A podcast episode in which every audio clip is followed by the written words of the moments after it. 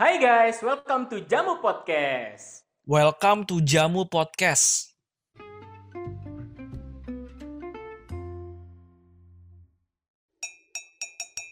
Mu jamu, jamu podcast. Oke guys, balik lagi kita di Jamu Podcast. Hari ini kita bakal uh, bikin sesuatu yang lebih spesial lagi karena kemarin kita uh, habis bikin soal buat Father's Day ya coy ya. Iya, yeah, Father's Day kita kemarin.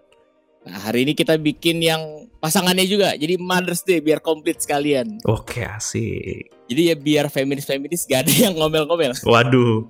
Iya, jokesnya kayak gitu ya ternyata ya. Oke, oke. Oke, tanpa basa-basi lagi kita sambut aja sekarang Koko dengan Mama Koko. Yeay. Halo, Ma. Hai, selamat pagi. Pagi, Ma. Pagi, Bi. Halo. Halo, Tante. Halo juga, selamat pagi. Pagi, Tante. Uh, tante, maaf. Uh, sebelum dimulai, kenalan dulu kali ya. Soalnya aku tadi kayaknya salah deh nyebut namanya. Masa aku manggilnya Mama Koko? Nggak enak dong. ya, saya bolehlah mengenalkan diri saya selaku Mama Koko ya. Saya AKBP Purnawirawan Restiana Pasaribu, Sarjana Hukum, Magister Hukum. Maaf saya sebutkan lengkap karena itu satu kebanggaan, satu kehormatan di mana saya baru saja kan purna. Jadi ya, baru pensiun bi ya baru baru pensiun Oh, baru ya pensiun. dari pengabdian ke kepolisian begitu Tapi nggak kelihatan kayak baru pensiun kok, Tante. kan di suara nggak kelihatan kan semangat selalu muda iya, betul. gitu Berarti ini aku panggilnya Tante Risti aja ya? pasar ibu aku saya lebih suka dipanggil marganya walaupun itu marga ya tapi saya lebih lebih familiar di lingkungan kantor dulu atau masyarakat panggilannya Bu Pasar Pasar Ibu. Ibu, Pasar Pasar Ibu. Ibu. Nggak dipanggil tante, nanti tante ke kemudaan. Masih muda kok, Tante. Soalnya biar akrab aja aku jadi manggilnya Tante Pasar Ibu gitu. Oh gitu, Oke. boleh lah. Boleh lah, boleh nggak salah juga. Oke, oke. Eh, Oke, ini Tante aku ada beberapa pertanyaan yang pengen aku tanyain juga eh, ke Tante dan ke Koko juga. Oh, boleh. Pertanyaan boleh. pertama, langsung. Eh, Langsung ngomong-ngomong ini dalam rangka apa sih ya? Boleh Ini kan hari ta- Ibu. Tante tahu, oh hari ibu, wow. Iya Tante, buat Wow, hari Ibu. kita memang selalu bangga dan selalu mengingatkan hari ibu karena kita semuanya lahir dari seorang ibu gitu. Betul, betul. Betul. Setuju, setuju. Oke, Oke, lanjut aku langsung tanya aja ya Tante Langsung. ya. Boleh, boleh, boleh. Oke. Eh, Tante aku pengen tahu dong namanya si Koko ini kan agak agak unik ya, maksudnya nggak biasa gitu loh. Oh, ya? Welmanko siapa ya coy? Welmanco Pandapotan Manurung. Kalau tulisannya nam- Welmanco, tapi kami manggilkan manggilnya Welmanko Pandapotan Manurung. Oh, Ah, untuk nama Pandapotannya nama Bataknya, Welmankonya Ah. dari, dari papahnya gitu. Oh gitu. Iya. Itu ada artinya nggak ya Tante ya? Ya tentu setiap nama ada artinya lah. Ya kami memang ada kesepakatan dulu dengan suami tercinta bahwa kalau anaknya laki-laki yang ngasih nama saya maksudnya papahnya. Kalau Hmm. perempuan yang ngasih nama baru ibunya. Jadi anak saya tiga laki dan satu perempuan. Ya saya kebagian satu aja nama eh, perempuannya gitu. Jadi anak Welmanko itu saya juga nanya dulu kenapa sih ngasih nama itu dari abangnya pakai W semua. Eh, yang Oh. pertama Wilton katanya bayangannya di luar negeri semua di luar Wil. Wil itu istana putih sana katanya. Walvin jadi Welmanko Welmanko itu juga bayangannya katanya anaknya ingin jadi mendunia. Jadi well itu baik. Eh, apa Oke. kam itu datang ya jadi datang anak yang baik mendapatkan satu rezeki gitu Amin. anak yang Amin. anak yang didapat atau kedatangan rezeki anak karena jaraknya kan jauh itu gitu jaraknya jauh dari abangnya Berapa tahun? Ma? 9 9 tahun ya. 9 tahun gitu Uh, jaraknya jauh ya.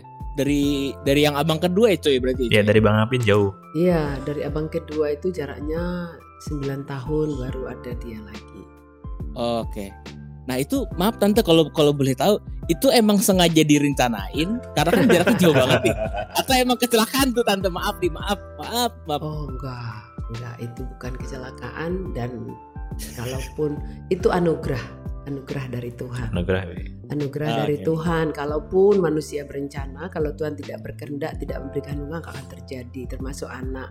Jadi kami memang sama-sama polisi. Kalau zaman tante dulu itu era era orde baru untuk abri dua anak Hmm? cukup, dua anak cukup, nggak boleh lebih dari dua. Jadi Betul. jadi kalau anak tiga nggak boleh sekolah perwira. Maaf. Jadi kami ad- karena ada program KB ya kami KB dulu. Kami sepakat. Oh. Iya sepakat.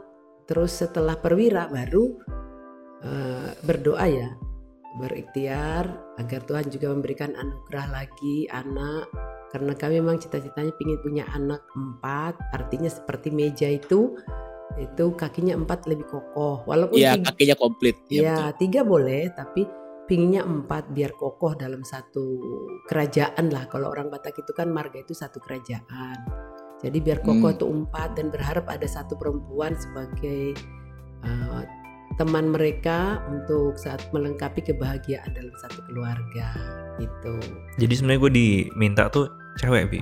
Kalau kata mama, dua menceritakan aku mintanya cewek kan. tidak tidak harus cewek kami hanya berdoa Tuhan berilah kesempatan kami lagi untuk mendapatkan anugerah anak ya kita berharap ya sudah dua laki ya ada perempuan kan betul. maunya kan empat ya tetapi setiap doa kita kita biarlah kehendakmu yang terjadi jadi apa pun kami tidak pernah memaksakan diri juga gitu ya jadi jaraknya memang jauh. Dia eh, si Koko itu jadi anak perwira. Jadi suami sudah perwira, papahnya saya sudah Hmm, perwira. oke. Jadi dia memang anak spesial yang lahir dari ya, perwira di era sudah yang semakin baik begitu. Iya betul. Soalnya kebetulan tante eh, aku tuh lima bersaudara juga. Oh gitu ya. lumayan keluarga besar lah, lumayan keluarga besar. Jadi eh, dulu tuh papa mamahku tuh katanya katanya dulu waktu aku masih di kandungan kepengennya anaknya cewek. Cewek. Terus sempat juga waktu di USG kata si dokternya aku nih aku nih cewek katanya gitu. Masa sih kalau si Koko dari awal sudah sudah ketahuan di USG pertama sudah langsung tahu laki-laki ya puji Tuhan. Oh, gitu. Berarti Tuhan memberikan yang terbaik ya kami syukuri. Jadi tidak pernah saya perlakukan dia jadi eh, perempuan. Jadi sebelum ya kami percaya ya saya yakin atas eh, keyakinan kami apa yang nggak ada menjadi ada itu ada anugerah atau perbuatan Tuhan. Sehingga sebelum sebelum em, beri- diberikan kami sudah eh, doa saya berikanlah yang terbaik menurut Tuhan gitu walaupun kami bermohon eh, jenis kelamin perempuan tapi kami tetap ber- Iya ya.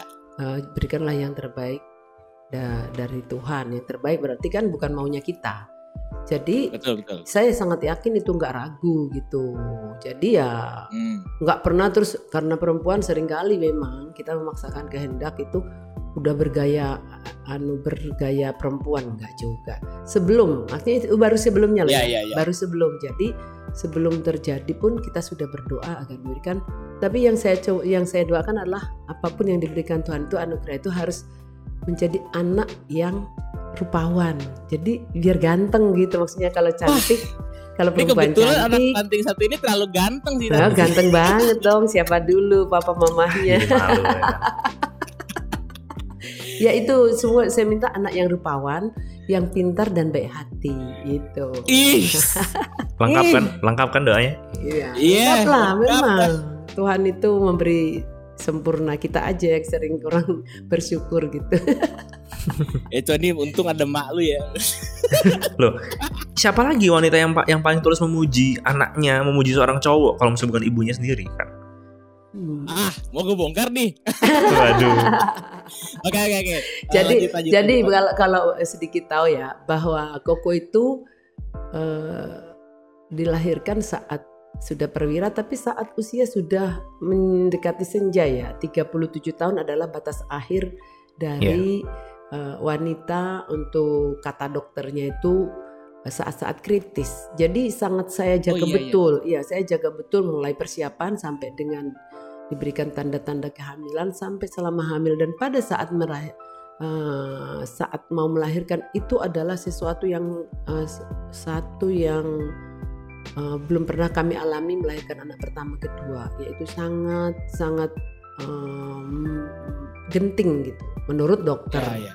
menurut dokter harus disesar kemudian Hmm. menurut dokter anaknya em, mengalami Oh ya waktu itu ya. mengul- mengalami Catatan. kekurangan oksigen di dalam tubuh Eh, itu dilihat dari tanda-tanda tubuh saya waktu itu saya sebesar gajah besar sekali jadi sementara anaknya hanya 2 2,4 kilo jadi Oh, saya kecil ya? kecil, Kecil. sekali jadi di rahim itu goyang-goyang seperti ikan katanya terlalu ini jadi kemungkinan Oh. kemungkinan hmm, apa itu kurang normal dalam pertumbuhan katanya katanya dokter. Oh, gitu. makanya saya tidak percaya sama se- seluruhnya. Secara medis oke. Tetapi karena di awal doa saya ketika Tuhan memberi sudah akan memberikan yang terbaik saya tetap pegangan itu. Tuhan memberikan yang terbaik kepada saya. Gak akan Hmm. memberikan yang tidak baik. Itu saja. Nah ketika saat disampaikan mau operasi saya tidak saya dengan suami kalau suami sudah sempat stres lah gitu ya ya udah panik lah ya. udah panik karena eh, kalaupun dioperasi katanya 50-50 untuk apa dioperasi kalau tidak bisa menjamin baik kan gitu ya? Ya, ya tetapi betul. kami kembali muter-muter ke simpang lima muter-muter ke mana nggak bisa makan gitu. Tapi saya tetap pada pendirian saya. Ya Tuhan ketika Tuhan memberi seperti doa kami mintalah akan diberi. Saya dari awal saya sudah minta kalau memberi diberi anugerah adalah yang terbaik di mata Tuhan kembali ke rumah panggil tukang pijit tolong anu Hmm. Bi, saya anu mbah ini saya tolong di dipijit dulu badan saya nggak enak semuanya katanya mau disesar. Ah nggak ada ini ini bagus ini. Emang semuanya harus besar. Ini sehat nggak ada ini semua detik jantung apa semua bener nih. Nah ya kita berdoa lagi beberapa hari sudah langsung malah anak yang lebih murah karena apa? Dibawa ke Panti Wiloso itu malam lahirnya di UGD Hemat hemat bro. Hemat. Jadi uang yang kami taruh di ini di jadi karena dibilangnya sesar sudah dua minggu pakaian ini pakaian apa namanya pakaian untuk ke rumah sakit dan uang dan pengantar Ya, dari ya, ya. pengantar dari dokter dokter kepolisian itu sudah disiapkan di dalam satu tas. Uangnya juga untuk operasi waktu itu dengan nilai yang sangat tinggi ya. Kemudian kita bawa bawa lah ini di mobil ketika uh, ya ini sudah naik mobil sih ketika koko. Nah udah udah kenal mobil dia mulai periksa mulai periksa yang pertama pun dia sudah naik mobil memang dia anak hebat. Nah Ya. ketika sampai di UGD itu sudah ini sedikit ya. Eh, dia masih di UGD langsung disuruh dokternya berdoa. Anak ibu pertama apa laki? Kedua laki. Ini laki loh katanya. Gak apa-apa dokter. Ya udah saya bawa ya kata oh jangan dan ibu berdoa dulu tarik napas. Pada saat tarik napas sudah ber- udah lahir. Jadi hitungan lima Eh? hitungan kelima sudah lahir. Jadi itulah anugerah Mulus bro. eh, sangat lancar. Tidak eh, mohon maaf ya kalau perempuan sangat menderita ketika memang betul sakit tapi tidak seperti yang lain gitu. Jadi langsung ini langsung lahir langsung dibawalah ke ruang bersalin itu hanya untuk persyaratan SOP daripada rumah sakit. Harus ke pembersihan semua di ruang eh, bersalin Oh gitu. Berarti Begitu. hitungannya kayak persalinannya di UGD-nya ya tante ya? di UGD-nya makcrut gitu jadi anak Aduh lancar gak enak ya banget masa keluarnya makrut ada suaranya. Iya, karena ya itulah anugerah itu yang kami Oh. sampaikan dan eh, badannya memang kecil, hanya dua lahir dua setengah jadinya, jadi Oke, hanya satu ons lah tambah setelah di luar itu, gitu. Oke. Ya. Oke, berarti aku eh, lanjut pertanyaan dulu ya tante. Ke, ini aku mau ke Tanya apa dulu lagi sih? Emang banyak yang mau Banyak. ditanyain ya? Banyak. Boleh, Tapi aku mau ke boleh. toko dulu, mau ke Oke. toko dulu. Ko, Yo.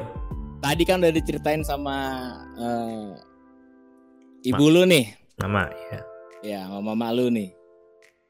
Coba dong tolong kasih gue satu gambaran gimana lu mendeskripsikan soal hubungan lu sama ibu lu gitu. Apakah baik kah, romantis kah, atau gimana? Kalau gue boleh bilang semenjak ini paling kerasa itu ketika gue mulai SMP ya, karena SMP gue udah mulai puber, udah mulai mengenal rasa sayang dan emak gue selalu nyara, selalu menjaga gue buat kayak kamu kalau misal eh, mau pacaran nanti aja sekolah dulu dan Hmm. Di situ emak gue tuh bener-bener mama itu selalu menjadi apa ya kayak ntar kalau mau nyari cewek kayak gini kayak mama Udah di udah dikasih gambarannya gitu ya? setidaknya gue punya gambaran dan eh, kayak baiknya seperti apa dan menurut gue apa ya eh, mama itu lebih memang gue lebih dekat sama mama ya daripada papa ya. Dan eh, Ya. lebih lebih lebih mengayomi dalam artian memberikan gue eh, wawasan kayak hati-hati kalau misal cowok tuh lemahnya seperti ini saya bisa bisa bisa apa gitu. Jadi kayak nggak cuman nggak cuman hipokrit aja nggak cuman kayak eh ngasih tahu manis-manisnya kehidupan tapi juga pahit-pahitnya. Jadi bener-bener sebagai apa ya kalau gue bilang eh teman yang bisa ngasih tahu kalau hati-hati kalau kamu lagi down cewek tuh bisa bisa bisa masuk gitu loh bisa masuk dan bisa me- manipulasi kamu dan oh bisa gitu bisa. Jadi, jadi dan dan itu bener-bener diajarin. Terus kayak semisal kayak waktu gua mau lomba di situ ada mama support. Jadi benar support sistemnya ada dan meskipun uh, waktu sering ditinggal itu S SD ya mulai dari SD. mulai nggak mulai dari TK dong TK. TK mulai dari TK TK sampai SD cuman paling sering itu TK ya Iya. mama yang masih masih Masih ke Salatiga. Salatiga Ungaran Iya. jadi masih memang TK sampai SD tuh gue kurang ya deket sih deket cuman waktu yang gue spend sama mama gue tuh dikit bi tapi setelah Hmm. itu bener-bener di spend bahkan dulu SMP mama nganterin aku terus pagi ya Iya. Tiap pagi tiap pagi Rutin. dianterin rutin pasti Hmm. Terus SMA SMA. gantian gue yang nyupir bi emak gue yang yang yang gue antar sama gue kan nyupir Ya. sampai SMA tuh bahkan Udah sampai nyampe kuliah. tuh kaki lu tuh padahal tuh. Weh nyampe bro, pendek-pendek gini ya? nyampe, jangan salah. Gue gue padahal gak mau ke sono. Lah, nyampe Lanjut, lanjut. diajarin eh, sampai SMA jadi benar-benar deketnya waktu mulai SMP karena memang mama waktu itu udah mulai di Semarang ya Maya udah Iya, mulai udah masih di sudah Semarang tugas di Semarang. udah mulai tugas di Oh, Semarang gitu. gitu, Berarti Jadi- kayak sempet dinas di luar kota ya? sempet gue dulu nangis Oh. kalau misal memang mama Oh pergi iya sih itu itu melo banget sih. mama pergi tapi nggak bangunin nggak pamit nggak bangunin gue waktu di kamar gitu nggak bangunin nggak dada dada gue menangis Iya betul. Hawanya pasti. kayak pengen ikut gitu. pengen ikut awalnya memang dulu sempat ikut sih sering ikut gitu jadi kedekatannya itu bener-bener eh, bener-bener kayak temen yang selalu kayak ngingetin heh jangan gini eh jangan gini jangan gini, gini waktu SMP karena merasakan perubahan dari eh, yang anak-anak mulai ke remaja awal gitu loh Ya, Iya. udah mulai kenal cewek-cewek lah sama aja. iya Oke, lanjut.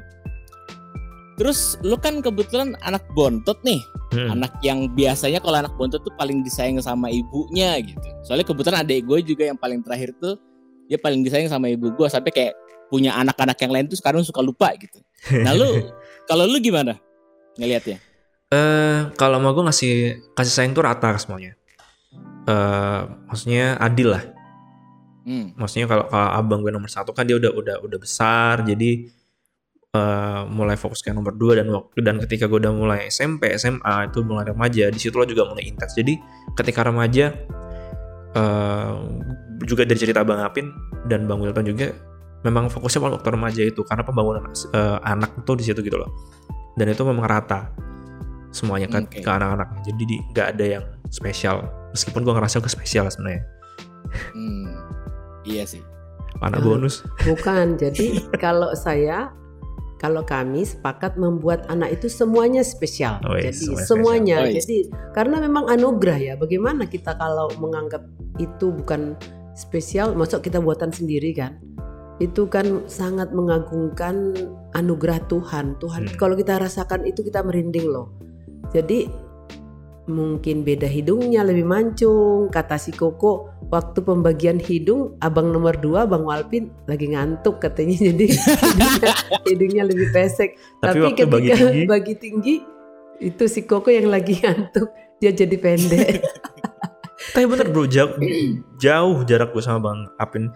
Bang Apin tuh 170 ya. 178-an, yang satu 184 gitu. Jadi kok jauh sekali. Kalau gitu. aku cuman 159 mas. 160 lah. Ya, kayak tambahin satu lah, 160. Karena itu 160. kan persis ini, persis eh, persis apa namanya? Persis eh, tinggi mamahnya 160. Jadi ingat ketika daftar polwan dulu baru ukur-ukur badan kan. Jadi karena dulu mau daftar polwan tuh ya na- namanya kita masih SMA kan, nggak pernah ngukur-ukur badan yang penting. Eh pas giliran ini daftar polwan dulu 160 loh rupanya anakku ini yang terakhir ini eh, Sama. ketiplek 160 Dulu memang gue tuh pengen masuk akpol, Wi. Cuman pernah dicek sama mama kan. Satu tahun sebelumnya tuh dicek. Oh anak ya anak ibu 159 masih bisa tinggi nih bu masih bisa tinggi masih bisa- semangat kan gue masih semangat. Ya oke. karena masih proses perkembangannya kan masih jauh kan. masih remaja gitu kan masih Ya. bisa. Satu tahun kemudian dicek bu ini nanya- anaknya ibu yang kemarin yang tera- yang tahun lalu yang terakhir itu ya? Iya. Kok nggak tumbuh tumbuh waduh itu Aduh, drop langsung. langsung ngedrop 159 nggak tumbuh tumbuh ya udahlah cuman eh, ada kelebihan yang lain lah di situ. Ada kelebihannya kalau gue nggak tinggi setidaknya ya ma- manjung lah manjung dan rambut gue lurus nggak kayak abang gue karena gue di, di dibilangin kayak kamu tuh anak tuker. Gue pernah tuh tanya sama mama aku anak ketuker apa enggak loh kok ngomong kayak gitu? Iya rambutku panjang sendiri. Apa rambutku panjang? Lurus sendiri. Lurus sendiri. yang lain tuh abang-abangnya keriting, gitu kan. Keriting. Karena emang rambut mamah dulu keriting gitu. Oh gitu. Oke oke. Tapi emang iya sih entah kenapa adik paling terakhir itu pasti jadi bahan bulian buat abang-abang ya terutama itu sih. Kayak adik gue tuh, adik gue putih sendiri, terus kesannya kayak Cina sendiri, jadi paling sipit dia tuh. Jadi kayak kita ngeliatnya, ini anak ketuker kayaknya. Bukan adik kita nih kayaknya jadi gitu. gue digituin juga tapi masalahnya sama abang gue ah kamu ketuker itu kamu ketuker gitu Iya soalnya kayak apa ya perbedaannya tuh kerasa gitu. Lumayan jauh. Oke oke lanjut lanjut. Eh ini ada satu pertanyaan yang agak-agak sensitif nih tapi nggak tahu deh nih. Eh, apa tanya itu tapi aja tolong tanya. tolong tolong dijawab jujur ya ya. iya Betul. Apakah ini karena kan desas-desusnya ya? Betul nggak? Kira-kira tipikal mama-mama Batak tuh katanya galak. Nah, mama lu nih galak apa enggak nih? Hah, gimana ya kalau aku bilang sebenarnya gini eh, wanita Batak itu kalau aku bilang bukan galak cerewet tapi cerewet itu membangun karena peduli Contoh, contoh, contoh. Contoh, eh, tiap kali mama datang ke kamar gue bi, kamar gue tuh pasti kadang ya, kadang baju di mana berantakan gitu kan, ya diingetin. Cuma kadang cara ngingetinnya dan karena kebawa dari sono ya, dari dari dari Iya. asli dari Sumatera Utara, dari dari Tapan Utara gitu, ya kadang nadanya agak tinggi, terus ngomongnya cepet. Nah itu kadang eh ya kesannya kalau orang lain lihat, kok kok marah-marah? Enggak, sebenarnya itu cerewet, cerewet itu tapi peduli karena masih sayang gitu loh. Nah yang udah serem ketika wanita Batak itu, apalagi mama-mama, udah diem, nggak ngomong, wah itu udah, itu susah. Gimana, Ma? Bener nggak? Ya, kalau karakter sih relatif ya. Memang secara umum katanya orang Batak itu kelihatannya galak dari sononya, galak katanya. Ya, Tidak betul, selalu, tidak. Oh, mungkin tidak ya. kalau kesannya keras atau mungkin galak, tapi hatinya selembut salju. Aduh. Hatinya baik gitu. Tujuannya semua satu hal, yaitu untuk kebaikan. Kalau khusus kepada kami mungkin ya karena mudanya udah terdidik abri, pinginnya semua perfect ya bahasa sekarang ke semua rapi, semua eh, te- eh, tertata begitu. Karena hidup itu memang harus ditata. Jadi kita menerapkan itu kayak refleks aja gitu. Karena kita mulai dari bangun tidur sampai tidur lagi harus teratur. Dan Hmm. itu saya lakukan sampai sekarang. Jadi ste- eh, eh, bukan bukan parsial ya, tapi komprehensif. Jadi luar dalam harus ya A A B B. Jadi ketika kita melihat tidak sesuai aturan memang seperti otomatis kita harus menegurnya. Padahal kita kan sudah melalui pelatihan. Kadang setelah kita marah atau dikatakan marah atau memberi teguran tuh kita juga sadar lagi loh. Oh iya iya, anakku kan tidak ikut pendidikan militer. Ikut pendidikan militer kan saya dengan suami. Kenapa harus Betul. diperlakukan ya baru sadar lagi ya lagi-lagi kalau ada masalah kita berdoa lagi saya pikir itu adalah satu perbedaan pendapat saja gitu Iya, ini juga kebetulan pertanyaan ini titipan dari tim kreatif aja tante sebenarnya. Enggak soalnya soalnya pas gue ngeliat pertanyaan ini mama-mama Batak katanya galak. Ah, ka- kayaknya mak gue orang Betawi juga galak mulu. oh mama Betawi ya aja. mama Betawi Iya, kebetulan eh, keluarga Betawi tante saya juga Betawi. oh gitu saya Jadi- kira Jadi emang sama kalau- aja lah Kalau marah-marah sama. Makanya emang biasa kan kalau orang Betawi sama orang Batak kan deket tante.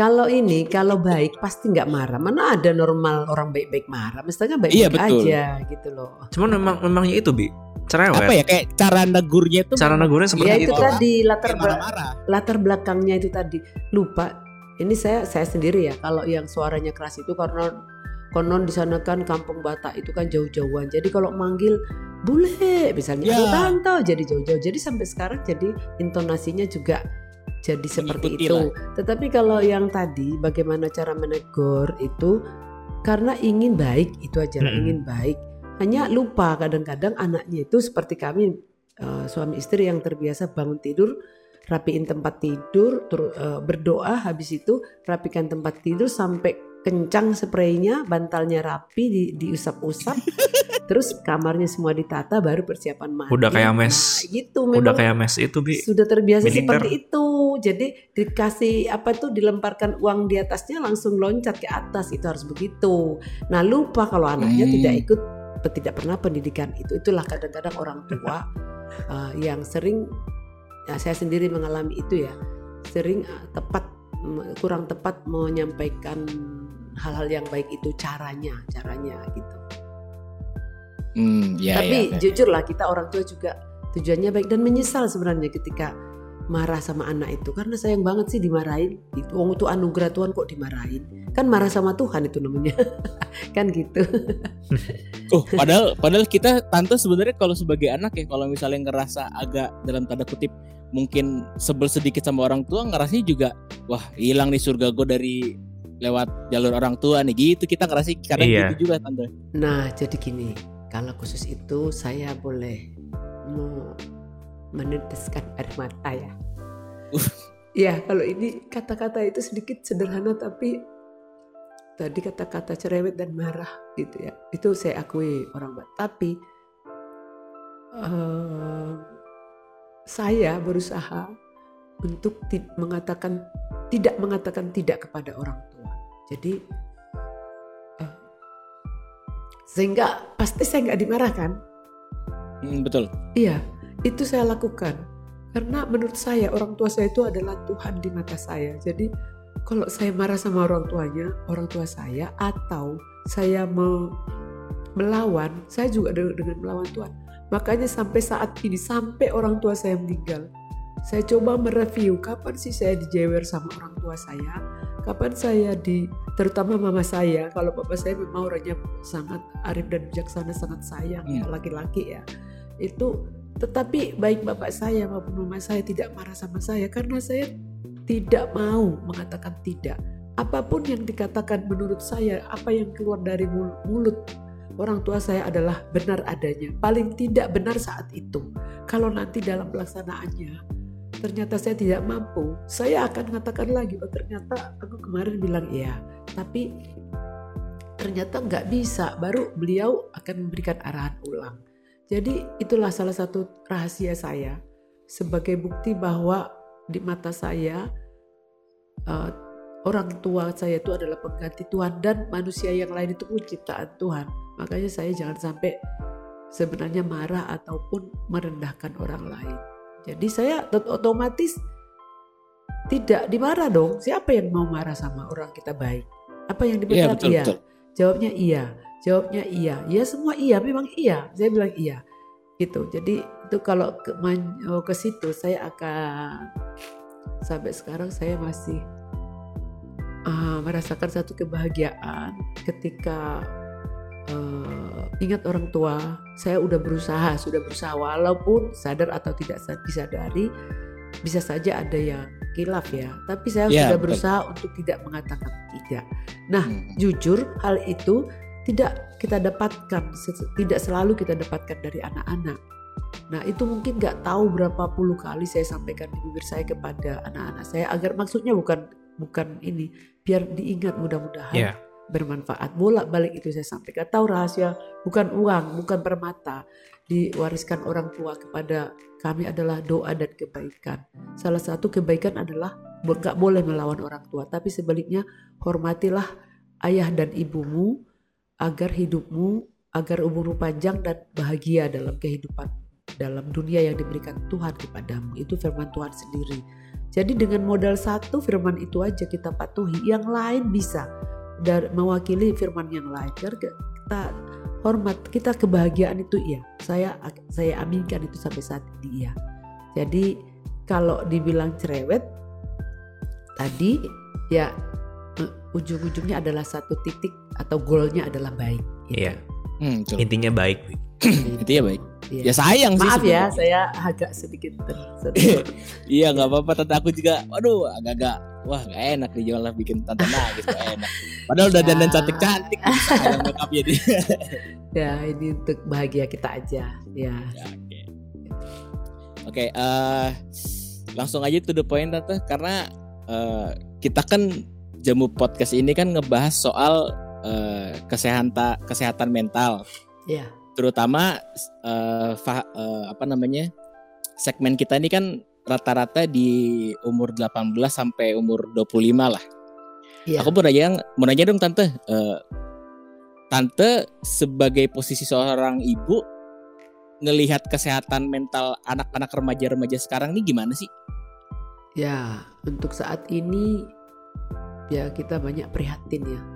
Eh, Kami Hmm. sebagai yang pernah juga bertugas di dalam masyarakat sebagai kepala satuan pembinaan masyarakat di Kota Semarang, memang banyak remaja atau anak muda yang eh, mengalami s- kalau dibilang gangguan ya atau sakit gitu dalam mentalnya itu itu saya sih nggak ngerti bukan dalam masalah eh, sakitnya ya tetapi dari Ya. sikap dan tingkah laku mereka yang eh, se- sehingga banyak banyak hal yang kurang pas gitu ya Eh, ada tingkatannya tentunya dan Betul, betul. itu dapat kita lihat seperti salah satu yang paling frontal itu adalah ada tawuran gitu.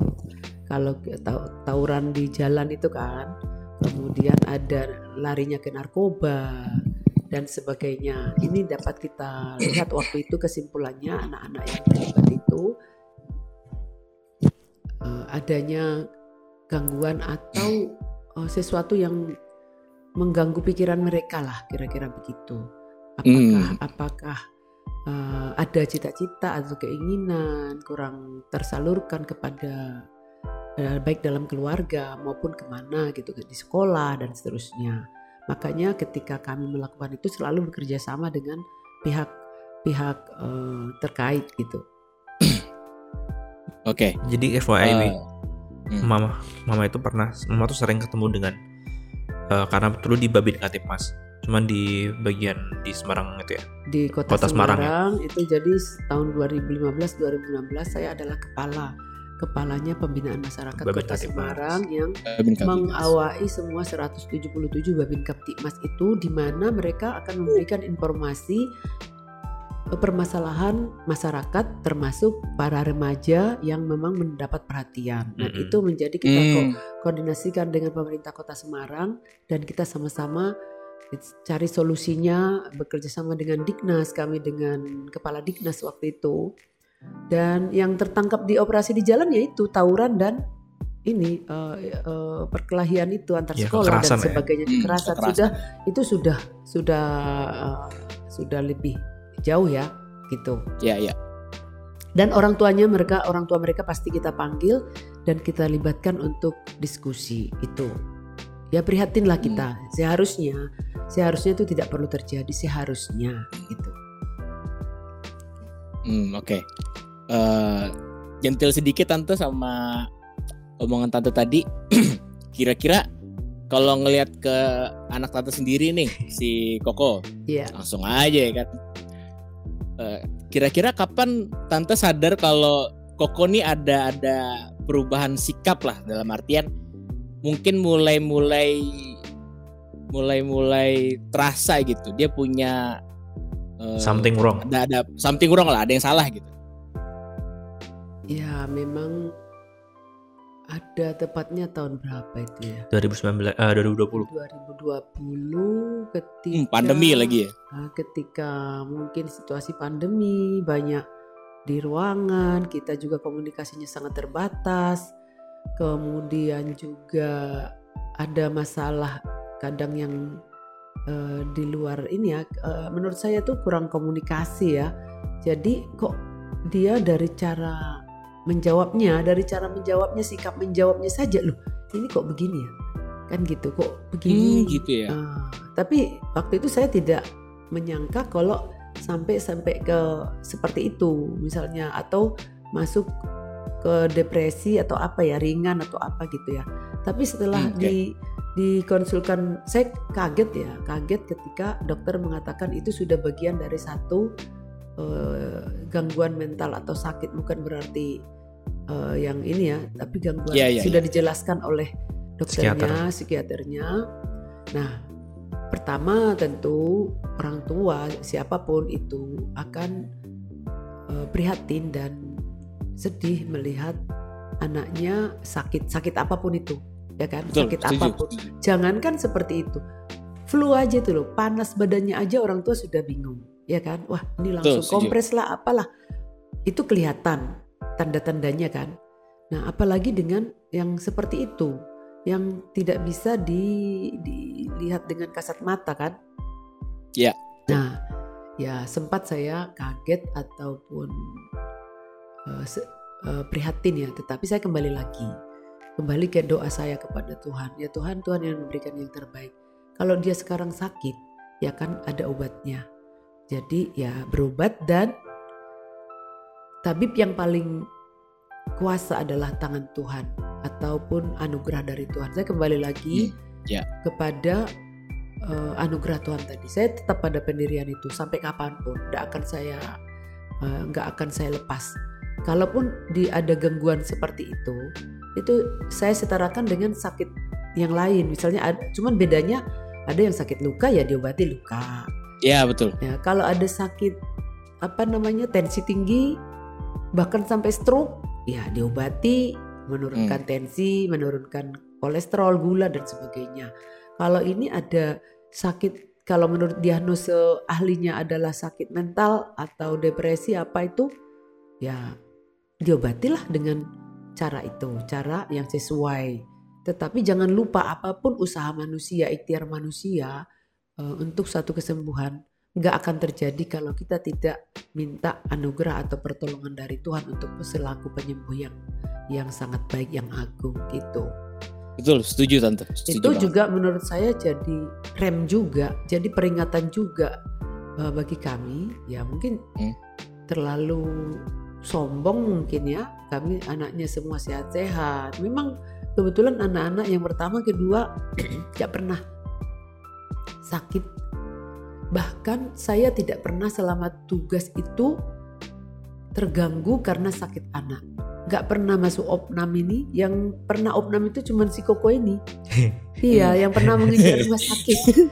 Yang lainnya itu nggak ada. Maaf ya. Eh, mereka Ya. dilengkapi dengan asi semuanya jadi walaupun saya tugas namanya asi eksklusif sampai dengan setahun bahkan ada yang nomor dua itu tiga setengah tahun itu uh, lama saya, ya Saya lama, jadi saya memberikan itu dengan ikhlas, dengan menjaga kesehatan jasmani saya dan rohani saya. Menurut saya kesehatan itu nggak bisa nggak bisa ini ya, nggak bisa setimpang gitu. Harus seimbang antara kesehatan jasmani dan rohani. Ketika makan kita jasmani ya, asupannya ya jasmani. Kesehatan Iya, rohani yang- ada asupannya rohani. Jadi ketika terjadi satu didiagnose oleh ahli tertentu itu sakit, maka tugas kita adalah mengobati. Jadi bukan saya menganggap sepele, bukan. Tapi itu saya setarakan dengan sakit yang lain dan pasti ada obatnya. Dan pasti Tuhan menyembuhkan pada saatnya. Dan Hmm, itu oke. menjadi mengingatkan kita untuk selalu bersyukur dan bermohon pertolongan, menunjukkan bahwa kita itu lemah, tidak pernah eh, tidak bisa atas kekuatan sendiri. Dan itu ya saya selalu menjawab dengan akhir sehingga saya kembali tidak sedih. Ngapain harus sedih-sedih nanti akan membuat kita menjadi tambah terpuruk ya. Ya Betul. udah diobati, eh, disyukuri. Kok sakit kok bersyukur? Ya artinya disyukuri udah tahu penyakitnya dan bisa tahu obatnya dan dengan itulah kita harus lebih semangat lagi untuk berbuat yang lebih baik dan lebih baik lagi untuk mencapai satu cita-cita kita. Nggak mulus-mulus saja. Saya sendiri selama tugas nggak pernah sakit, nggak pernah opnam, nggak pernah mengeluarin biaya lah untuk ini nggak pernah. Saya bersyukur Cuman itu. sekali waktu itu gara-gara salah obat. Itu namanya nggak sakit.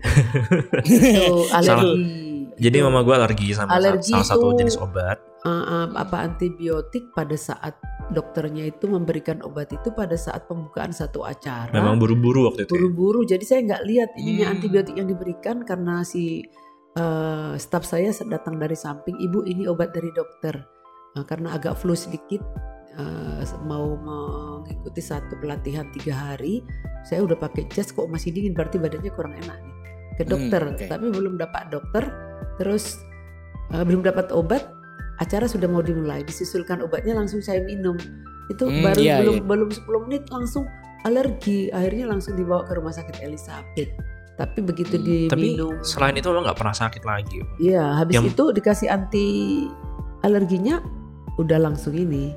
Yang sering sakit memang tuh di keluarga bukan ya bukan bukan sering ya, cuma memang yang gampang sakit itu papa dan gue bi. Jadi emang yang dulu tuh Oh. Dulu juga dari dulu emang sering sakit itu gue sama papa.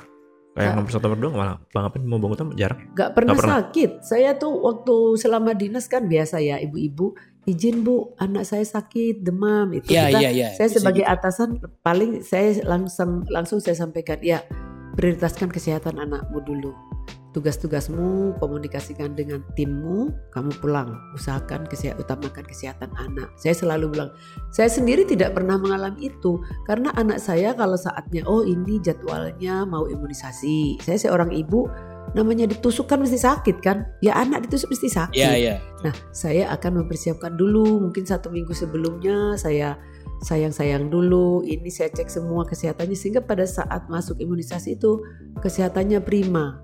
Jadi hanya malam itu dan saya selalu berdoa Tuhan, Tuhan yang memberi, Tuhan akan menyempurnakan. Saya jangan sampai gara-gara anak sakit saya jadi tidak maksimal kerjanya. Ya Karena jadi nggak bisa beraktivitas gitu ya tante. ya? jadi saya itu semua saya dikabulkan Tuhan. Jadi betul-betul saya nggak ada eh, alasan untuk tidak masuk dinas karena anak sakit nggak ada. Kecuali Koko. Pelayanan prima Hmm, emang. Ya, Koko, Koko memang spesial ya. Makanya saya bilang Memang spesial.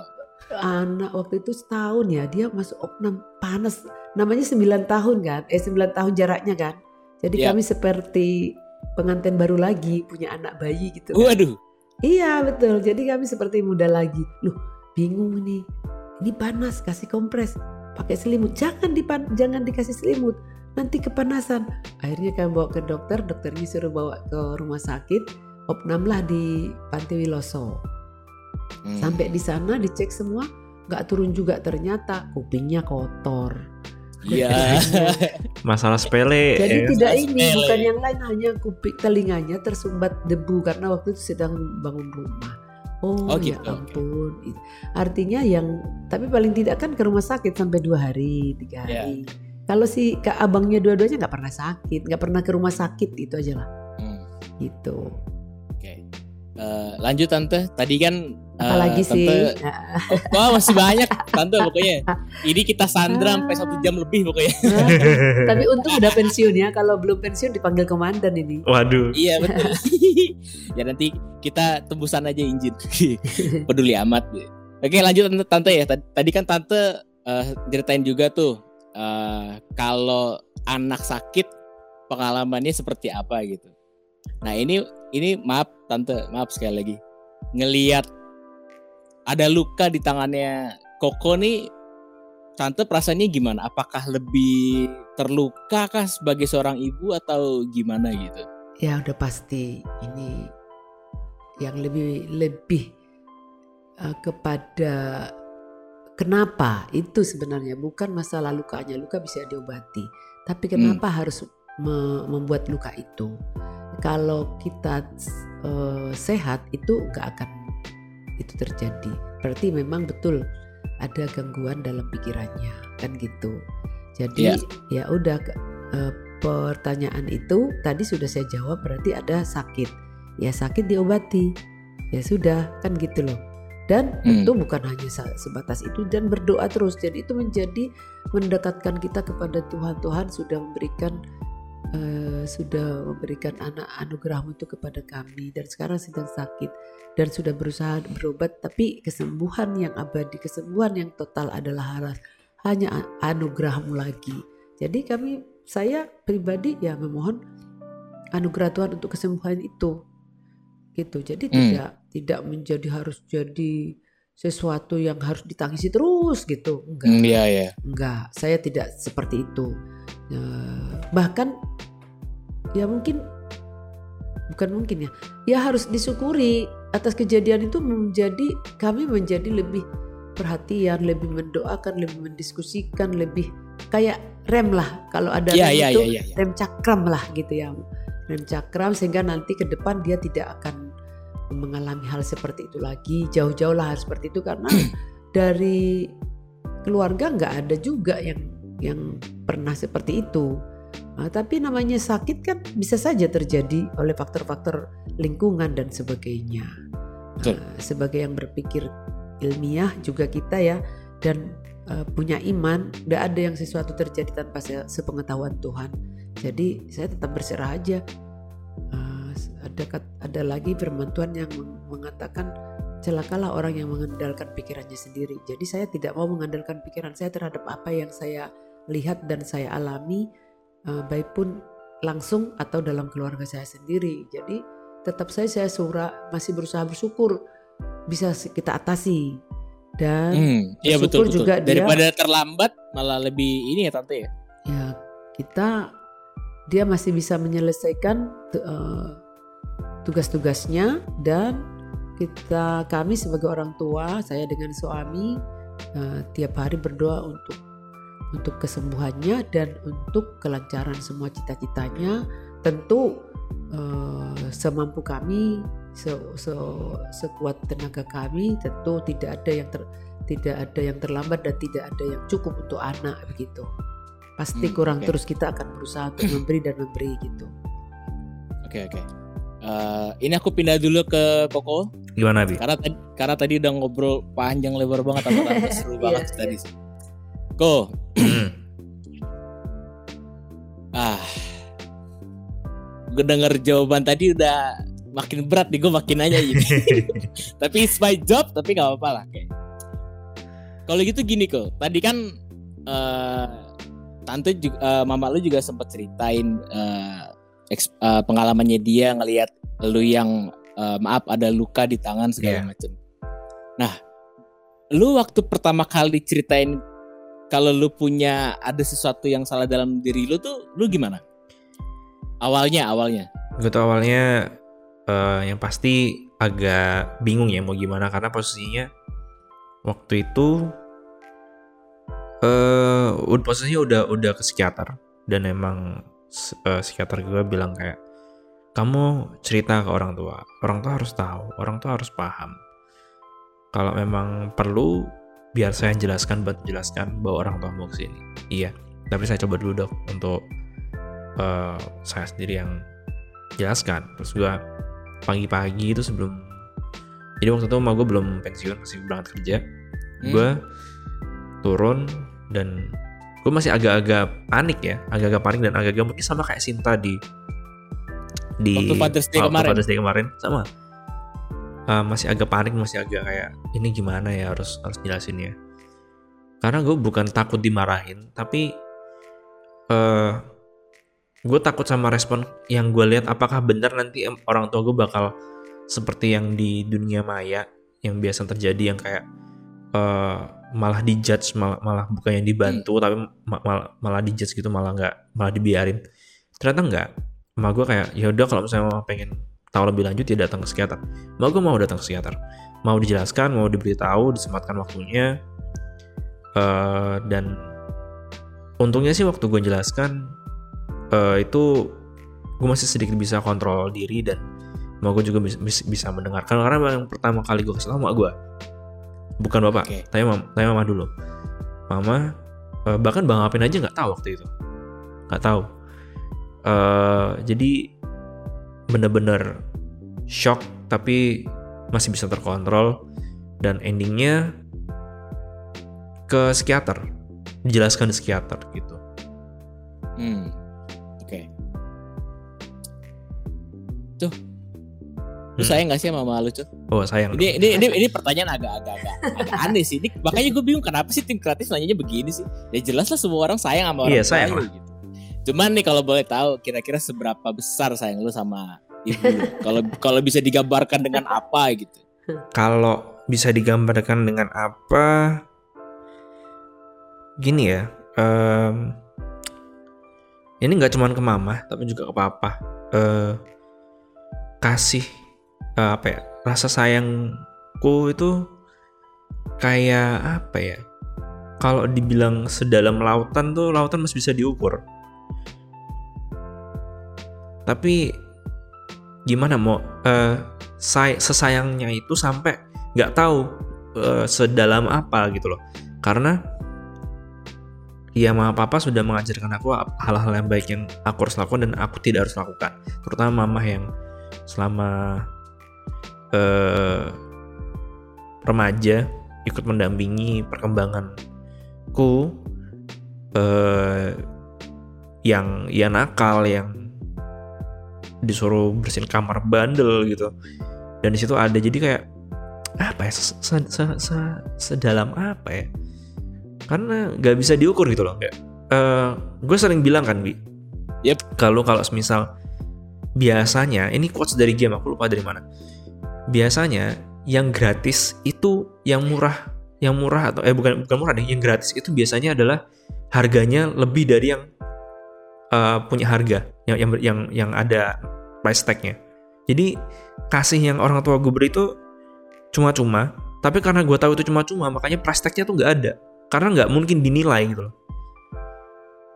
Dan sama gue kembalikan itu kasih yang gue eh, kasih sayang gue kasih ke orang tua gue tuh cuma-cuma bukan karena tidak bukan karena tidak ada nilainya tapi tidak ternilai gitu loh Hmm.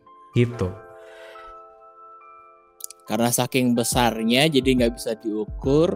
nggak bisa diukur dalamnya, makanya nggak bisa diukur. Oke. Kalau Ya, gitu itu ada peribahasa kali ya apa kasih Apa tuh? kasih ibu sepanjang jalan tidak bisa diukur nggak bisa diukur Iya gitu ya kasih bukan membandingkan laki-laki ya kasih ayah sepanjang galah kasih ibu. Sepanjang jalan. Jadi ja- jalan sampai mati pun tidak bisa diukur kan ke mana-mana gitu ya. Hmm, kalau daul dalam laut bisa diukur tapi dalam hatinya nggak bisa. kan nggak bisa juga gitu.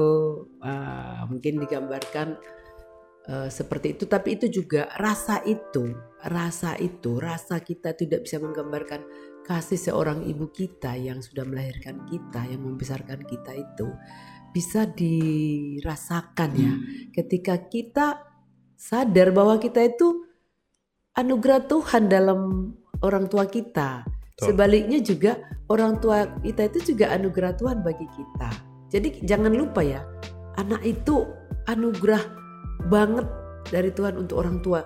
Coba makanya Apa? ada ulang tahun itu anaknya itu baru belum ngerti apa-apa satu tahun sudah dipitain lah, di inilah itu sakit. apa sih yang eh, peribahasa yang anak itu harta itu apa sih yang ya kalau orang Batak itu ada filosofi itu ya, ada prinsip hidupnya bahwa anak kokido hamoraun diau artinya anak-anak itu menjadi harta harta kekayaan bagi keluarga itu harta itu artinya sesuatu yang nggak mungkin yang pasti dijaga. Yaitu dijaga karena tadi itu anugerah Tuhan kalau kita bicara itu ya. Sekali lagi kita harus merinding bahwa kita nggak akan pernah bahkan sebenarnya kalaupun terjadi uh, sakit apa pun sakit apa pun menyingkir dari kita. Kalaupun eh, saat ini di usia sepertinya saat ini ya di usia enam- menjelang 60 itu 58 menuju 9 menjelang lansia ada menuju lansia itu ada gangguan misalnya osteoporosis sedikit gitu ya. Saya merasa sehat-sehat aja memang waktunya segitu kan kira-kira begitu. Hmm, Jadi iya. saya enjoy aja jalan aja ke mana-mana ke Bali Nah, sana ini nih. ke mana? Ini bi. Kadang tuh rasa sayang gue tuh keucap gitu kan. Ke Nah. Bali pergi sakit biarin aja. salah satunya adalah gue ngelarang mak gue buat jalan-jalan. Tapi tetap rasa sayang itu terucap gitu loh dengan, cara kayak mah jangan jalan-jalan. Pakai pakai sepatu yang tak beli yang yang waktu itu. Enggak yang ini aja yang ini lebih enak. Oke fine. Terserah. Karena gue tahu mak gue tuh kayak sering se- eh, kalau bapak gue tangannya gatel. Kalau nggak buat prakarya nggak buat kerja apa itu susah. Kalau mama Ya. gue yang gatel tuh kakinya. Kalau nggak Ya, jalan-jalan kalau nggak pergi-pergi beh. Udah ayo mah udah tahu udah udah mau lansia udah kalau kami bilangnya udah opung-opung opung itu udah nenek-nenek lah udah opung-opung. Ayolah kurangi kurangi kurangi. Jadi kalau tadi dibilang seberapa sayang kadang sayang itu bisa keluar tapi nggak bisa diukur. Gitu. Tapi emang mama kita juga mirip sih, mak gue juga begitu. Pengennya hawanya jalan-jalan mulu. Eh, benci banget kalau sekarang sih lebih happy jalan-jalan karena udah pensiun Udah dulu pensiun. jalan-jalannya kan Iya, jadinya tenang. dinas gitu kan pagi udah berangkat diatur teratur seperti matahari itu terbit ini dari timur eh, terbenam ke barat sama waktu tugas juga begitu bangun tidur ibadah olahraga persiapan eh, kerja berangkat pulang lagi Hmm. dan seterusnya dan seterusnya setelah pensiun Iya. ya ah, ya jalan-jalan lah karena gitu. setelah pensiun itu malah aku yang was was mah karena mama jadi bebas dan kadang lupa. Bahkan mama sambil lupa minum loh waktu itu. Jadi Iya. pernah sambil lupa minum di dehidrasi. Gue panik. Lah mah Karena gue kenapa? girangnya soalnya. Anjir, gue kenapa? bukan jarak Medan Semarang itu lima menit karena apa Nggak masuk mungkin pesawat Tante. bisa bisa masuk betul. pesawat doa Semarang- tidur bangun Jadi dari Medan Jakarta itu biasanya dua jam. Ini lima menit. Kenapa begitu masuk berdoa ya Tuhan saya mau berangkat. Saya serahkan diriku penerbangan ini semuanya sak isinya sak pilotnya ke dalam tanganmu. Sertai kami sampai Jakarta ya Tuhan. Amin. Langsung berdoa itu sampai tahu-tahu ceruk itu sudah sampai di Jakarta kan lima menit gitu. Tidur jadi tidur. sampai lupa minum dan itu gue yang Lupa panik loh. minum. gimana sih kok ini kok ke Medan malah pak? Akhirnya semen- kemarin sempat pergi lagi ke mana gitu. Mah jangan lupa minum. Minumnya dikit-dikit jangan banyak banyak. Akhirnya ya itulah rasa sayang. Eh, kadang rasa sayang keluarnya lewat perkataan lewat tindakan dan itu cuman sepersekian dari apa yang bisa dikeluarkan. Itu cuma cuma cuma sepersekian dari apa yang apa yang bisa dikeluarkan gitu. Iya betul setuju. Ini eh, segmen terakhir banget mau penutupan. Eh, Kira-kira nih dari Koko dulu, ada yang pengen diomongin gak sih ke mama lu? Karena karena mama lu kan sebenarnya hari ini mau pergi ya. Iya sebenarnya mau mau ada acara ada mendadak mau pergi dan ya sebenarnya sih aku ada kabar bahagia mah. Eh, gimana tuh sebenarnya aku udah berhenti buat cutting itu semenjak bulan bulan apa ya? Bi? Eh, Februari Maret Maret ya? ya? Maret ya? Maret, Maret, Maret. Sejak bulan Maret. Jadi itu udah mulai eh, nggak lagi dan udah memang udah mulai nggak ada niatan bahkan sekarang udah nggak ada niatan lagi buat buat hal seperti itu buat cutting buat hal yang mencelakakan diri Eh, tinggal bahkan obat aja udah dikurangi amin udah dikurangi sama dokternya udah mau dikurangi jadi setiap kali dikasih obat kan ada tulisannya tuh apa aja di dalam pilnya itu. Iya. Nah itu tak baca. Oh udah dikurangi. Jadi udah mulai eh, puji Tuhan. udah mulai bebas lah dan ya harapannya karena sekarang aku juga juga udah lulus ya mulai berkurang pikiranku nanti juga pasti nanti nambah lagi karena kan masih koas. Jadi ya eh tetap sehat-sehat mah karena kan aku masih koas. Katanya mau ngeliat aku nanti mangoli ah, apa menikah menikah menikah. Jadi eh pengen aku menikah ya, ya doakanlah biar anakmu ini bisa eh, lancar di di studinya. Karena yang tak percaya itu bukannya bandingin doa bapak sama doa ibu ya, tapi Iya, iya, iya. entah kenapa itu yang lebih manjur itu doanya ibu. Meskipun sebenarnya aku tahu eh, doa orang tua tuh semuanya manjur cuman menurut gue yang paling masuk ke dalam diri gue itu adalah doa dari ibu dan eh gimana ya? Kayak terima kasih ma udah eh, mendoakanku selama ini udah bisa ya mama yang tahu prosesku lah untuk untuk ke psikiater ke mana. Aku selalu izin sama mama. Jadi emang gue selalu izin sama orang tua gue biar biar tahu kalau misalnya gue lagi oh Ya, mau ya. mau ke psikiater Ada progresnya lah. ada progresnya. Meskipun ini nggak bisa uh, psikiaternya ngomong langsung aku aja ngomong langsung jadi memang aku udah mulai berhenti aku udah mulai free from self harming udah nggak ada lagi udah berarti berapa bulan Maret April Mei Juni Juli Agustus September Oktober November Desember hampir hampir setahun mas tiga bulan lagi setahun Puji Tuhan. itu jadi aku udah mulai free itu Bi. Oke, kalau dari tante sendiri, kira-kira ada yang pengen diomongin ke Koko nggak? Ya bersyukur atas anugerah Tuhan punya anak namanya Welmanko Pandapotan Manurung atau Koko yang juga kami abadikan menjadi nama perusahaan kami CP Koko M. Hmm. Nah, itu artinya benar-benar mendatangkan kebaikan untuk bukan hanya untuk dia tapi untuk semua keluarga. Jadi dia tidak pernah juga saya pikir dia menjadi seorang dokter karena dulu cita-cita jadi polisi. Nah, itu juga mem- membuktikan bahwa rencanamu bukan rencanaku kata Tuhan. Jadi Tuhan me- eh, kita persiapkan dia jadi masuk polisi, jadi akpol, jadi generasi penerus. Namun Tuhan mengatakan dia menjadi dokter gigi. Doa kami untuk dia spesial buat Koko. Dia eh, sekali lagi selamat dia sudah menyelesaikan untuk Oke. SKT-nya, SKG SKG-nya, sarjana kedokteran giginya dan berdoa semoga koas dapat dua tahun selesai. amin Amin, Nah, amin. Itu dengan sukses, dengan baik ya, dengan baik. Pasti orang tua selalu mendoakan itu. Eh, serta eh, harapan lagi setelah dia jadi dokter gigi, cepat dapat pekerjaan yang baik dan jodoh yang sepadan dari Hmm. Tuhan. Ih, Itu ini. amin, amin, Amin, amin. Selamat Hari Ibu buat anak-anakku semuanya, terkhusus untuk Koko hari ini. Eh, tetaplah ingat firman Tuhan untuk selalu memberikan hormat kepada orang tua, secara khusus ke ibu, agar hidupmu bahagia dan panjang umur di dunia yang diberikan Tuhan Amin. kepadamu. Amin.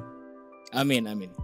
Oke guys, aduh perbincangan yang seru banget, dalam banget, terharu banget.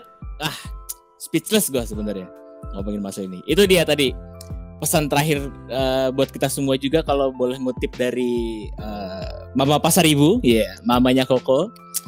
Ingat guys, itu tadi kalau boleh gue ringkasin dikit, jangan pernah sekali-sekali buat eh, berantem sama orang tua lah istilahnya. Jangan pernah sekali-sekali buat tentang orang tua. Sekali lu nentang orang tua, hancur hidup lu pasti.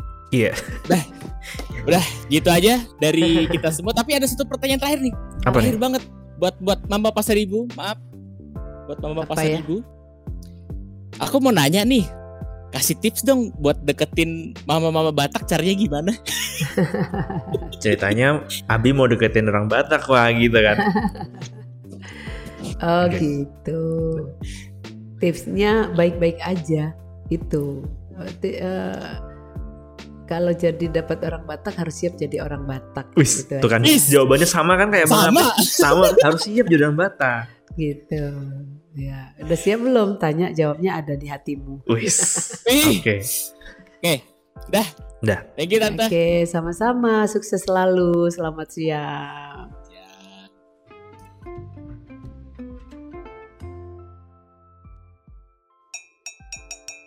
Mu jamu, jamu podcast.